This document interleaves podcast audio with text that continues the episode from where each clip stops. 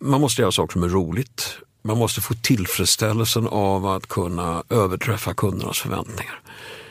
Och om man inte gör det med vinst, då blir det liksom inget bra. Men vinst är inte ett mål, utan ett medel.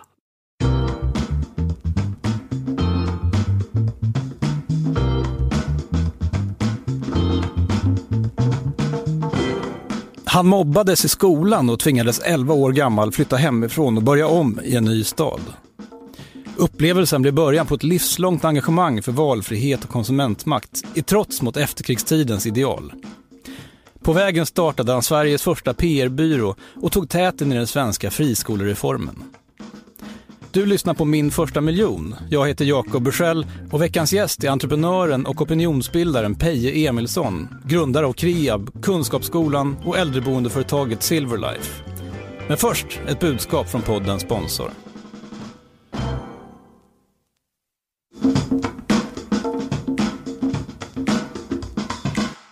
Peje Emilsson, välkommen hit.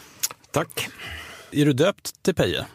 Nej, jag är inte döpt till Peje, men jag kallades det från början och eh, eh, när man fick rätt att lägga till namn så registrerade det officiellt. Så nu heter jag Peje. Och vad hette du från början då? Per Magnus. Per Magnus. Ja. Gillar du inte Per Magnus? Ja, det var så svårt att hålla ordning på dem. Det blev Per Emil Magnusson och det var ingen identitet i det så det har blivit Peje. Men det finns tre andra? Tre andra, ja. Kreab fyller 50 i år. Ja. Det är många år. Ja, det är rätt många och vilken otrolig utveckling som har skett i världen under de här 50 åren. Eh, man, alltså, jordens befolkning har fördubblats. Men BNP per capita har fyrdubblats och andelen rejält fattiga har minskat helt dramatiskt. Så att inte kunde jag tro att det skulle vara så bra som det är nu när jag drog igång Kreab 1970. Du läste ju statskunskap eh, en gång i tiden. Ja, och bland ut, annat. Mm. Och kom ut eh, några år över 20. Ja. Vad, vad hade du för tanke att du skulle göra då? Jag var mest, jag var ju väldigt tidigt politiskt engagerad. Och eh, drevs under hela gymnasietiden en ambition att, att uh, vara med och bygga ett bättre samhälle. Så att jag jobbade mellan 68 och 70 på eh, Moderaterna, var med och bytte namn och var med och gjorde det röda M. Höll i 70 års valkampanj. Och efter den kampanjen så bestämde jag att det här med att kommunikation var rätt intressant. Så då startade jag, Pedro Lin och Jan-Erik Ander eh, Kreab eh, hösten 1970. Men var kom det här politiska eh, intresset ifrån? Alltså, från början kom det att jag, jag berättade några gånger, jag blev rejält mobbad i Nynäshamn i, i den här eh, skolan som på den tiden eh, man inte fick bestämma själv var man ville gå utan det var andra som bestämde. Så att jag fick som tioåring flytta till mormor på Söder och började skolan här istället och fick en ny chans. Och ända från den känslan så att jag vill vara med och bygga ett samhälle där olika människor kan ta ett större eget personligt ansvar. Eh, jag vill bestämma själv, så brukar jag uttrycka det. Och den här viljan fanns hos Moderaterna då? Eller? Ja, det tyckte jag. Jag var med, jag drog igång en, det hette ju Högen på den tiden, en, en förening, en skolans ungdomsförening här Eh, på 60-talet. Och eh, det var där jag kände att den största känslan för den här individens frihet i kombination med ett samhällsansvar. För vi kan inte ha ett system där folk ramlar liksom mellan stolarna. Utan det var en kombination av det här personliga ansvaret och det gemensamma ansvaret som jag kände fanns hos högern först och sen som ledde Moderaterna. Jag läste att du skrev någonting som, som hette Istället för undersåtar. Mm. Vad var det för något? Ja, det var nog den första skrift jag skrev. Det var när, just när Moderaterna hade bytt eh, namn till Moderaterna så försökte vi illustrera då 1970 vad är det vi står inför? Hur bygger man ett samhälle där var och en tar eget ansvar? På den här tiden, ja, under 60-talet så fanns en tv-kanal, en radiokanal. Radio Nord fick inte sända, Radio Syd fick inte sända. Hon som drev igång Radio Syd fick kliva in på Hinsebergs fängelse för att de hade sänt popmusik till svenska folket. Det är nästan obegripligt idag att föreställa sig hur det klimatet var. Och då såg vi en optimism om framtiden och en ökad möjlighet för enskilda människor. Och då blev det detta rätt slagkraftiga istället för undersåt. Men var det många människor, upplevde du, som såg att det behövdes en förändring? Jo, ja och det var det och också djupt in i socialdemokratin. Jag brukar citera Tage Erlander som 1964 gav ut en skrift om valfrihetens samhälle. Han konstaterade att när man bygger upp ett välfärdsstat så måste man ha rätt mycket av likadana lösningar för att nå alla. Men i takt med att tillgångarna växer och människor blir bättre så vill var och en bestämma mer själv. Och det kallade vi då på den borgerliga kanten för valfrihetens samhälle. Inom socialdemokratin så kallar man det för egenmakt. Eh, sen kom då en rejäl omsvängning efter 68, 70-talet och Olof Palme med en dramatisk vänstervridning, kollektivisering, eh, idén 1975 om löntagarfonder där egentligen alla stora svenska företag inom loppet av 10-15 år skulle föras över till ägande av fackligt styrda fonder. Eh, så att det blev ett väldigt förlorat 70-tal. Men sen så har vi steg för steg kommit tillbaka och nu är samsynen mycket bredare om att eh, människor kan, vill ta större ansvar själva. Samtidigt som det är klart med att, att de som inte kan det måste vi ha ett samhällssystem som gör att eh, alla kan vara med.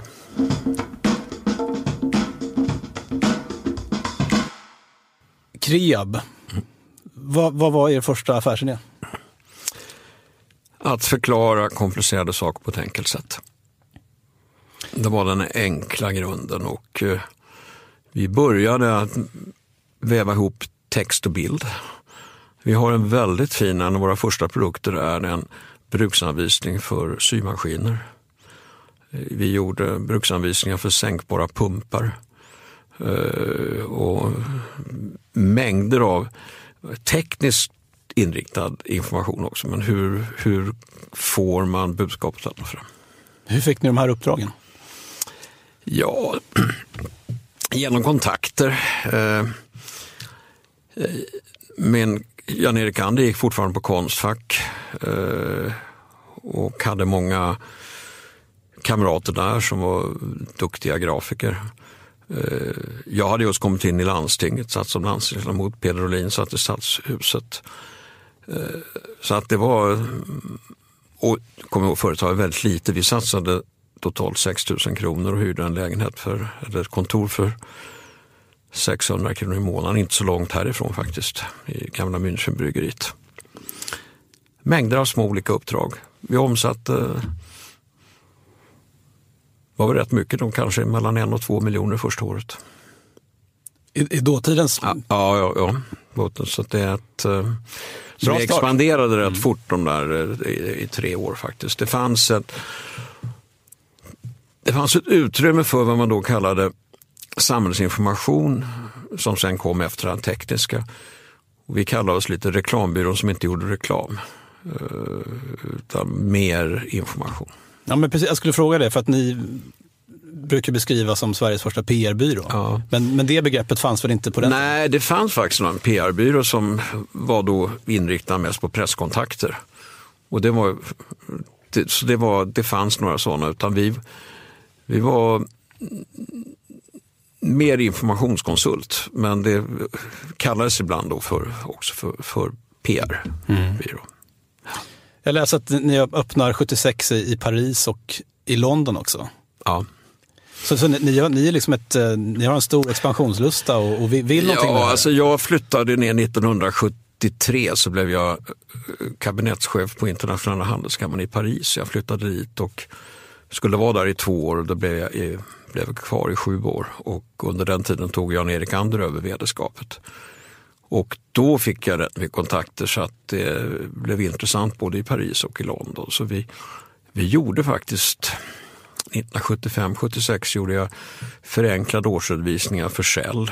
Det var ett rätt stort företag. Mycket ekonomisk information och förklara saker, saker enkelt. Så det var en första start eh, utomlands.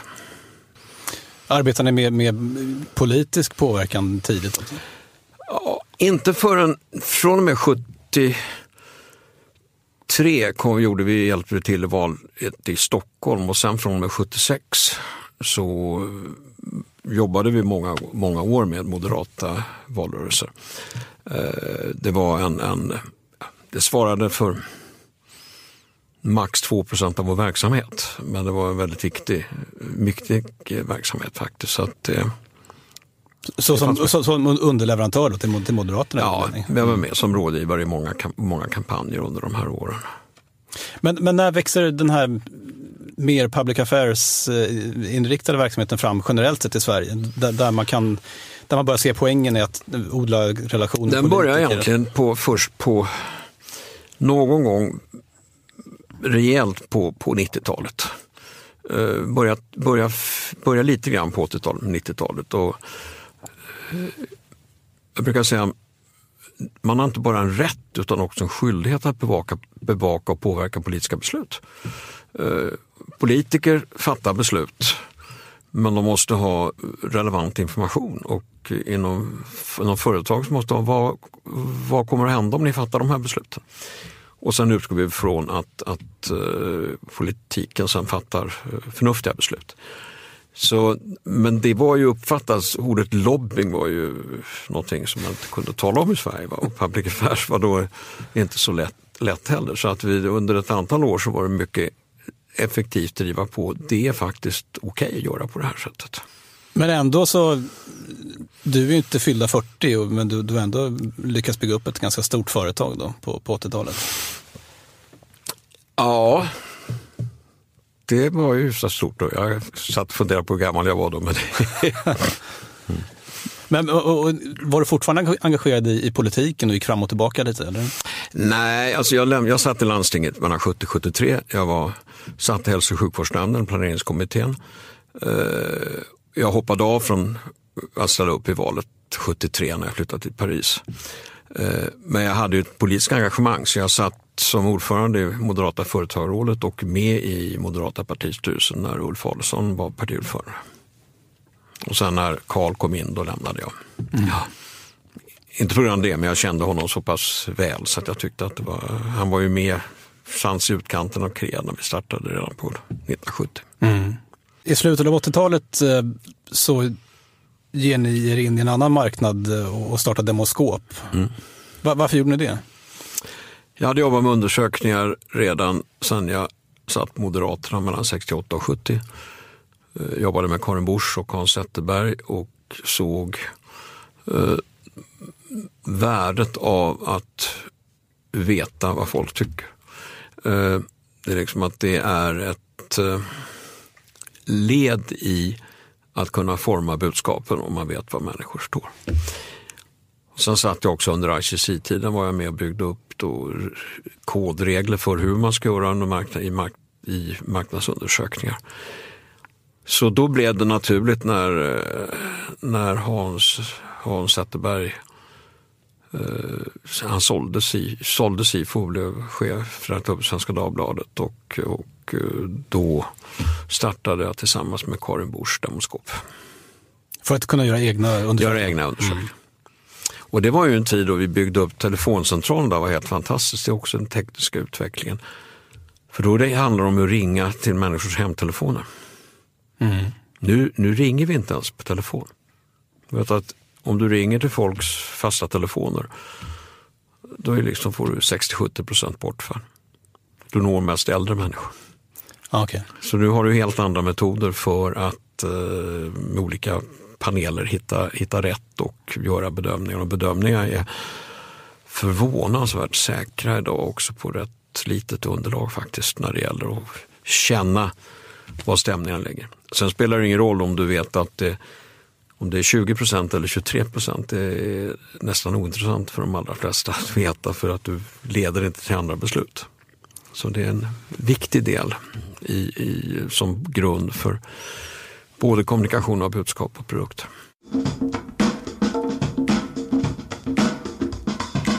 En bit in på 90-talet så vaknar ju eh, skolfrågan.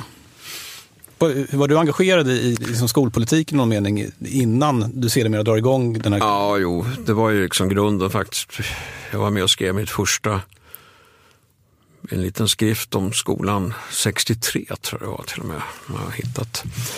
Eh, så var jag alltid väldigt engagerad i skolan. Ja, när vi bodde i, i Paris med barnen så var vi med i, i en grupp som drev en liten Montessori-förskola. Flyttade hem så gjorde jag ett försök att starta en Montessori-etta eh, på Lidingö. Men det blev för mycket stök. Läraren blev utmobbad av facket. Varför då?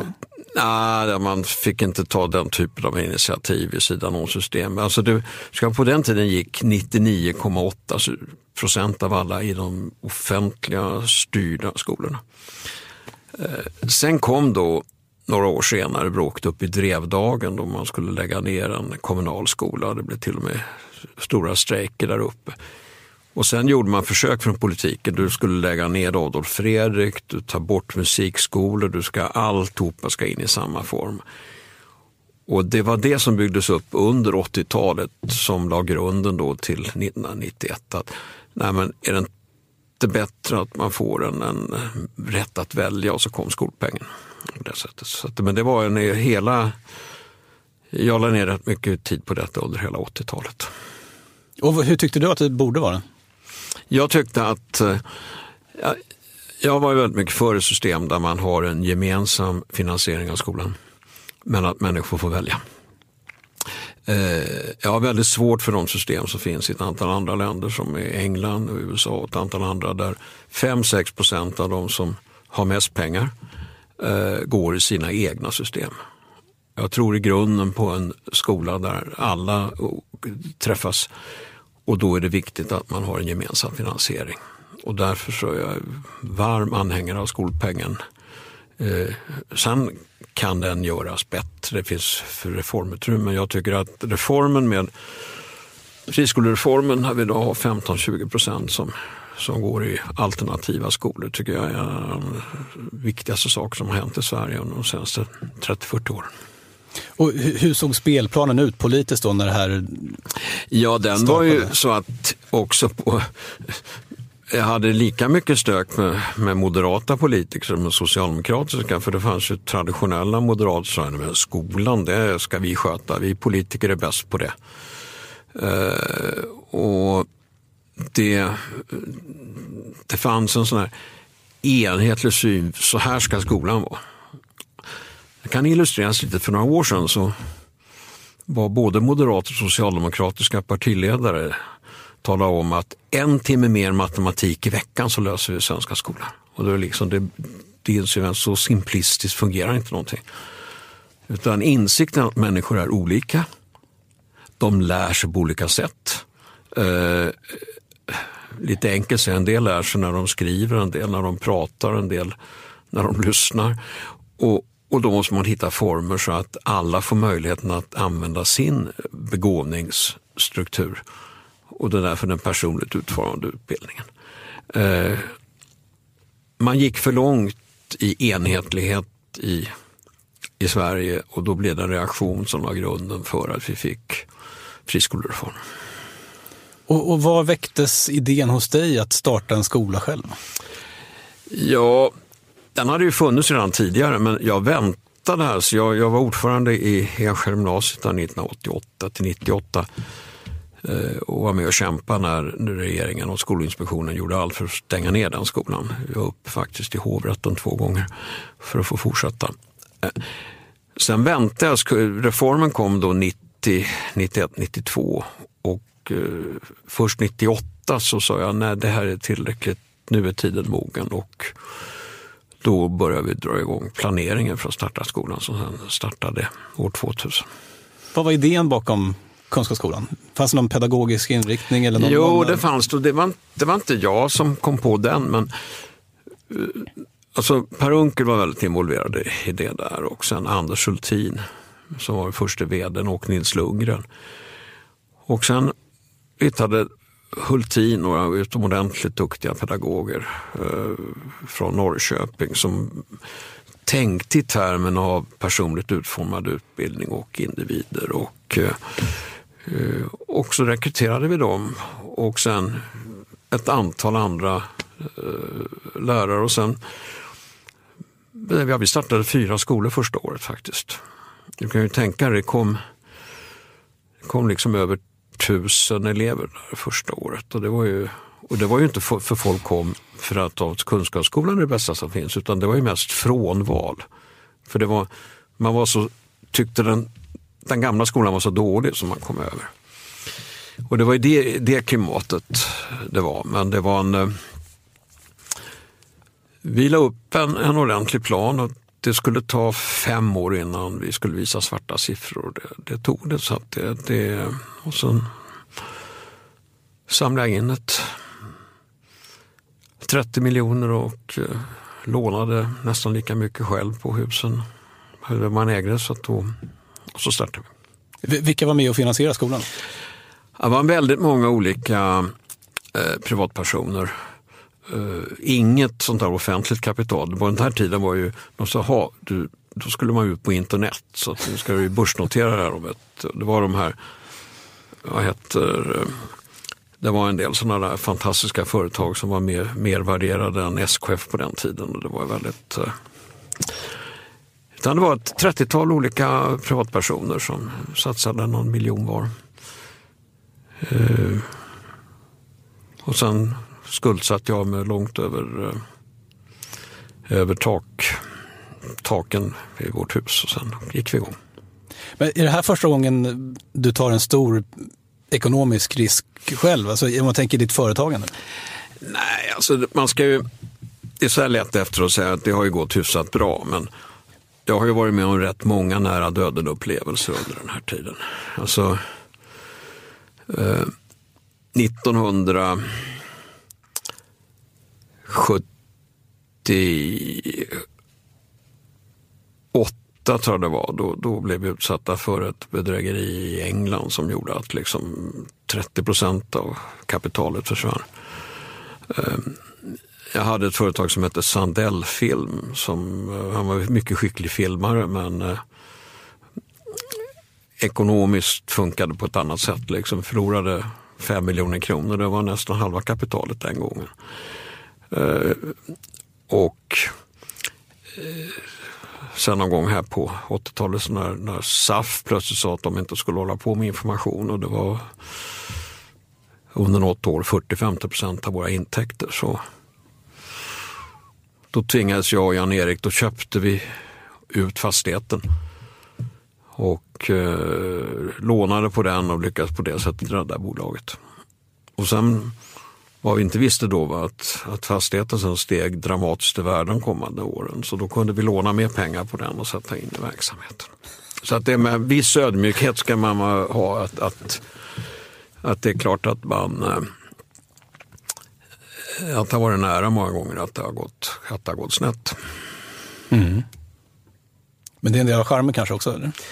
Ja, jag brukar säga det, att vara entreprenör är för att lyckas måste man ha väldigt tydlig målinriktning. Och man måste också ha en förmåga att inte inse risker. För om man inser riskerna då skulle man nog inte våga fortsätta. Det, det, så är det faktiskt. Men hur, hur, har du haft tydliga målsättningar under de här åren? Nej. Nej, jag, jag gick på vuxenutbildning på Harvard någon gång här på 80-talet och då fick man ju, alla var så förvånade att det inte hade gjort tydliga affärsplaner när man började utan det hade bara, man bara kom igång. Eh, jag har liksom haft en, i Krev har jag haft den principen att som jag tog från Avis, det är liksom fun and profit. Eh, man måste göra saker som är roligt. Man måste få tillfredsställelsen av att kunna överträffa kundernas förväntningar. Och om man inte gör det med vinst, då blir det liksom inget bra. Men vinst är inte ett mål, utan ett medel. Det har jag alltid varit väldigt tydlig på. Jag satt i någon intervju när jag drog igång Kunskapsskolan och sa liksom att, försökte förklara det att, säg till rektorerna, ni, varje hundralapp så får ni göra av med 95. Och det är liksom, vi behöver trygghetsreserven 5. Man måste kunna investera och ibland går det dåligt också. Men ert mål är helt klart att se till att de barn som går i skolan ska få så bra start i livet som möjligt. Och de facto sen har ni en restriktion. Ni måste se till att det blir svarta siffror. Men du har kört här i 50 år nu ja. och, och, det har blivit en ganska stor företagsgrupp med ja. en väldigt stor omsättning. menar, du har inte någonstans på vägen upplevt att nej, men nu sluta med det här? Eller, det, vad, vad är det som har fått, att, fått dig att fortsätta? Nej, alltså det, det första steget var kanske när, när mina barn blev så engagerade. Cecilia, som nu är koncernchef för Kunskapsskolan, hon var den första anställd 1999. Så att det har liksom, jag tror väldigt mycket på familjeföretagandet och att bygga företag över generationer, inte över kvartal. Eh, och jag har väldigt svårt, alltså det här som ett tag har varit i Sverige, att det finaste man kan göra är att bygga ett företag och sälja det så fort som möjligt. Jag fattar inte riktigt. Eh, utan det, det finaste måste kunna att bygga ett företag och lämna över det till nästa generation och se till att företaget fortsätter att utvecklas och skapa bättre tjänster och produkter för människorna. Det är det som är, ett, eh, det som är drivkraften. Vilket förutsätter att eh, nästa generation vill ta över? Ja, och det går ju inte alltid. Va? Och det ska man ha klart för sig. Därför måste man ha respekt för att det inte fungerar. Jag var väldigt lyckligt lottad i det. Men eh, därför det krävs många olika ägarformer. Men det är ändå för mig ändå att företaget eh, är någonting i sig. Det, och det självklart är det den som äger företaget ska rimligtvis få avkastning på de pengarna har satt in. Eh, man behöver inte ha som i bankvärlden noll, nollränta, någonting ska man kunna få. Men i företag det är inte någonting som man kan använda för sina egna personliga kommunikation, eh, eh, eh, konsumtion, utan det är någonting som, som fyller en viktig funktion i samhället. Och jag tror att den viktiga funktionen när det gäller att på ett effektivt sätt använda resurserna sköts nästan alltid bättre i privat driven verksamhet än i offentligt driven verksamhet för du får ett tydligare ansvarsuttagande.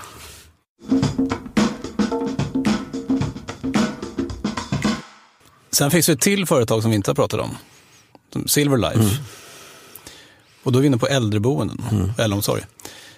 Är det här liksom ytterligare då eh, liksom en, en, spegling av, av din, din, din, din, politiska syn? Att ja, ska främja, liksom... det kan du väl säga redan. Alltså, jag lämnade landstinget 1973, hälso och sjukvårdsnämnden, i övertygelse om att systemet inte var bra. Jag uttryckte det mer till skada än nytta för sjukvården. Och jag eh, tycker att systemet innebär en rovdrift med mänskliga och ekonomiska resurser. Vilket är, eh, jämför med andra länder, Holland till exempel, hur de har organiserat sig. Det är den ena delen. Den andra delen när jag började med då tänka på när man själv börjar bli äldre. Hur, hur vill man hantera de här sista 20-30 åren av sitt liv? Och då började faktiskt 2007 så gick ut första talet om, då kallade jag Axel på ett gott slut. Eh, men det tyckte då folk var lite dramatiskt. Då blev det Silverlife och vi gjorde det första stora prospektet 2009. Och grundidén var ju det att, att Eh, du ska kunna kombinera det faktum att du har betalat skatt under många år och går in, men om du vill liksom kunna köpa till tjänster borde du kunna göra det. Och så funkar inte det systemet som vi har idag. Eh, det fanns ingen lag om valfrihet på den tiden. Så, att då, så vi håller på då väldigt länge att bygga upp en idé där du flyttar in när du är pigg och sen kan du få köpa tjänster och sen får du en del tjänster finansierade skattepengar och så småningom så har du det där vård och omsorgsboende där man tillbringar det sista året av sitt liv. Och vi kallar det här från go-go till slow-go till no-go. Och det här är någonting som vi alla kommer att gå igenom. Det är väldigt få förunnat att dö friska. Utan de allra flesta går i den här processen. Så nu har vi då byggt det första, vi öppnade det första i eh, eh, september. Och nu kommer ett, eh, det var ute i Graninge och sen kommer Upplands Väsby så kommer, kommer eh, Täby. Och det är försök att hitta en ny form för att kunna hantera eh, äldreboende för, hos också en generation tog, som har rätt stora resurser. Men det tog tio år att ja. gå från idé till... till... Det tog tio år. Mm. Det tog... Eh, en del av de grejerna, jag brukar säga, tog från jag startade i Bryssel tills vi visade svarta siffror tog det sju år. Uh, vet du hur lång tid det tog innan Tetra Pak gick med vinst? Ingen aning. 17. Alltså att det... måste man ha bra finansiering. Det, det, så det, och det hade de då. Det, det är det som jag tror det är så viktigt det här stegvisa långsiktiga byggande. Kunskapsskolan gick tog fem år innan det visade svarta siffror. Att du måste ha möjligheten att bygga lång, långsiktigt. Du har ju tillbringat en större del av ditt liv i um, åtminstone utkanten av den här diskussionen om välfärden i, i vid mening. Jag tänker på det du sa om, om Tage Erlander inledningsvis, att uh, han förutsåg att i den takt folk mm. får det bättre så vill man välja mer. Nu har det gått 50-60 år sedan dess uh, och, och, nu är valfriheten ganska, ganska stor ändå. Uh, vad, vad, vad, vad befinner den är vi oss? större, men den, samtidigt så är den ju blir den då och då hotad. Det går ju tillbaka till, liksom, jaha, ska man verkligen få välja skola? Ska man inte lotta ut platser? En del som säger. Jag tycker det, för då, segregationen, så det brukar jag säga, jag har, jag löser segregationen. Vi lottar ut vilka som ska bo på Östermalm och vilka som ska bo i Tensta. Det är rättvist. Vi kan lotta vilka som ska vara riksdagsmän också. Eh, Men här I USA så lottar du ut de som ska sitta som nämndemän. Men alltså det, du hamnar i, i väldigt, väldigt konstiga diskussioner. Eh, och jag kommer ihåg på sjukvården förr i världen, du hade ju inte rätt och välja vilket sjukhus skulle gå till utan hade, där allting liksom var centralt planerat. Jag tror att vi är på rätt väg men det finns med jämna mellanrum folk som faller tillbaka det här och säger men behöver det verkligen vara så här? Måste man, kan verkligen folk välja? Och som en del som kan gamla människor verkligen välja? Ja, det är klart de kan. Så att det är en eh, långsiktiga trenden tycker jag är, är väldigt tydlig. Men eh, vi ska inte vi ska inte underskatta riskerna för att det blir eh, återfall i ett försök att eh, med politiska beslut ta över makten. Finns det några fler menar, delar av, av välfärden då i vid mening där man skulle kunna tycka den här utvecklingen eh, eller, eller den här utvecklingen inte har liksom inträffat? Du kan väl ta en, ett som, ibland brukar man säga att ta polisen. Om du tittar på polisen idag, se hur många väktare det finns många fler väktare än poliser. Så var det inte för 30-40 år sedan. Så en stor del av ordning, att hålla ordning och reda har ju redan outsourcats till privata företag. Och här gäller det liksom att hitta den rätta balansen. Var har du myndighetsutövningen och de gemensamma systemen? Och hur ser du till att, att du har demokratin fungerar där? Men däremot när det gäller utförandet av tjänster så tror inte jag på sikt att eh, politikerna ska eh, hantera själva utförandet av det hela utan se till att hamna styrningskontrollmekanismerna istället. Och det är en stor, stor förändring i attityd som, eh, som finns där. Mm. Och du har också varit inne på, du har åtminstone yppat det här med fängelser. Ja. Jag höll på med det när jag började jobba med kriminellas revansch i början på 2000-talet. Det var rätt intressant, de här killarna som hade suttit rätt många år i fängelse och sen kommit tillbaka och kommit ut och börjat jobba. Och liksom, så hur ska vi kunna slussa ut folk på ett bättre sätt? Och så berättar de liksom hur de, vad de kunde och så jag tänker att kunna använda gamla fängelsekunder som, som väktare och vakter och hålla på med det så tror jag att man kan få en bättre effektivitet och få fler ut och fler tillbaka. Så vi, vi skrev lite grann om detta och det blev ju väldigt turbulens. Och sådär, att så kan man ju inte göra. Men eh, nu håller man ju, nu är det så ont om fängelseplatser, nu försöker man ju liksom förlägga folk på andra länder också. Att det är ett, så det, jag, tror att, jag tror det är nyttigt att ompröva på väldigt många områden. Eh, alltså, hur använder vi våra gemensamma pengar på ett så effektivt sätt som möjligt?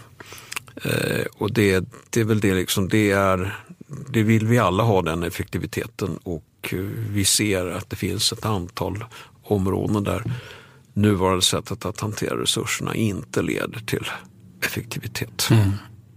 Men det är intressant för att um, man kan ju identifiera en diskussion eller åsikt åtminstone som gör gällande att uh, liberaliseringen har gått alldeles för långt. Men uh, det låter på dig som att det här kanske bara en, en, vi har kommit en bit på vägen men det finns mycket mer att det göra i samhället. Det finns otroligt mycket mer att göra men du måste hitta begåvade former för eh, tillsyn, kontroll, uppföljning, utvärdering.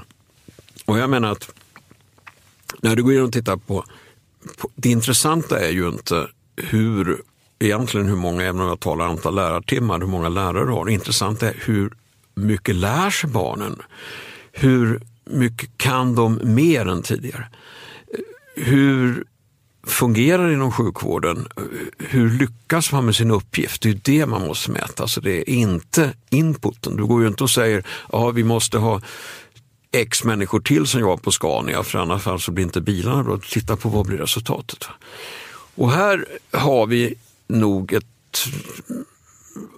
det här är en svår, inte helt lätt politisk uppgift för att eh, vi lever i en tid med så otroligt mycket bättre resurser och på alla sätt så mycket bättre. Så vi har liksom inte riktigt hittat formerna i det politiska systemet för att hantera beslutsprocesserna.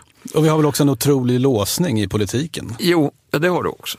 Men låt mig ta tillbaka. Jag, jag byggde här ute på Sandhamn, jag kommer från lotsläkt där ute. Där vi, vi byggde då bostäder eh, där folk bara får bo om de bor och arbetar på Sandhamn. Eh, för att vi ska se till att vi bevarar befolkningen där ute. Och sen var jag inne på att vi skulle också vi skulle bygga en sopstation. Men så här, det är väl bättre att kommunen gör det, de ska ta över den. Och då säger byggbolaget, ja men då blir det 30% dyrare. Varför det? Ja, det alltid blir 30% dyrare när det är en offentlig beställare. Okej, okay, så det är rätt intressant att det är på så Då frågar jag, ja det är ju bra med kontrollsystem och, men kanske ska vi titta över hur gör vi det här på ett, på ett lite smidigare sätt? Och hur använder vi våra gemensamma resurser mer begåvat och hur anpassar vi de politiska systemen så att de kan ta sig till ny teknik. Mm. Det är som det är det är för mycket i det, offentliga som fortfarande lever kvar i faxens värld. Alltså, den är ju inte, funkar ju inte på andra ställen. Kreab fyller 50 i år. Mm. Ehm, du fyller 74. Ehm, hur länge ska du fortsätta med det här? Så länge jag är pigg. Ehm, jag tycker det är fascinerande att, att vi börjar väl komma bort från den här lite åldersdiskriminering i Sverige också. Men jag tror jag brukar säga att Mahathir som nu är nytillträdd i, i Malaysia, han är 94. Eh, så länge kommer jag nog inte hålla på. Men så länge, så länge det, jag är frisk och eh, efterfrågad så kommer jag fortsätta. Peje, tack för att du gästade podden. Tack ska du ha. Du har lyssnat på podden Min första miljon från Svenska Dagbladet. Den här gången med mig, Jakob Bursell. Om det var första gången du lyssnade så hittar du många liknande intervjuer i vårt arkiv som du hittar i din poddspelare. Tack för att du lyssnade!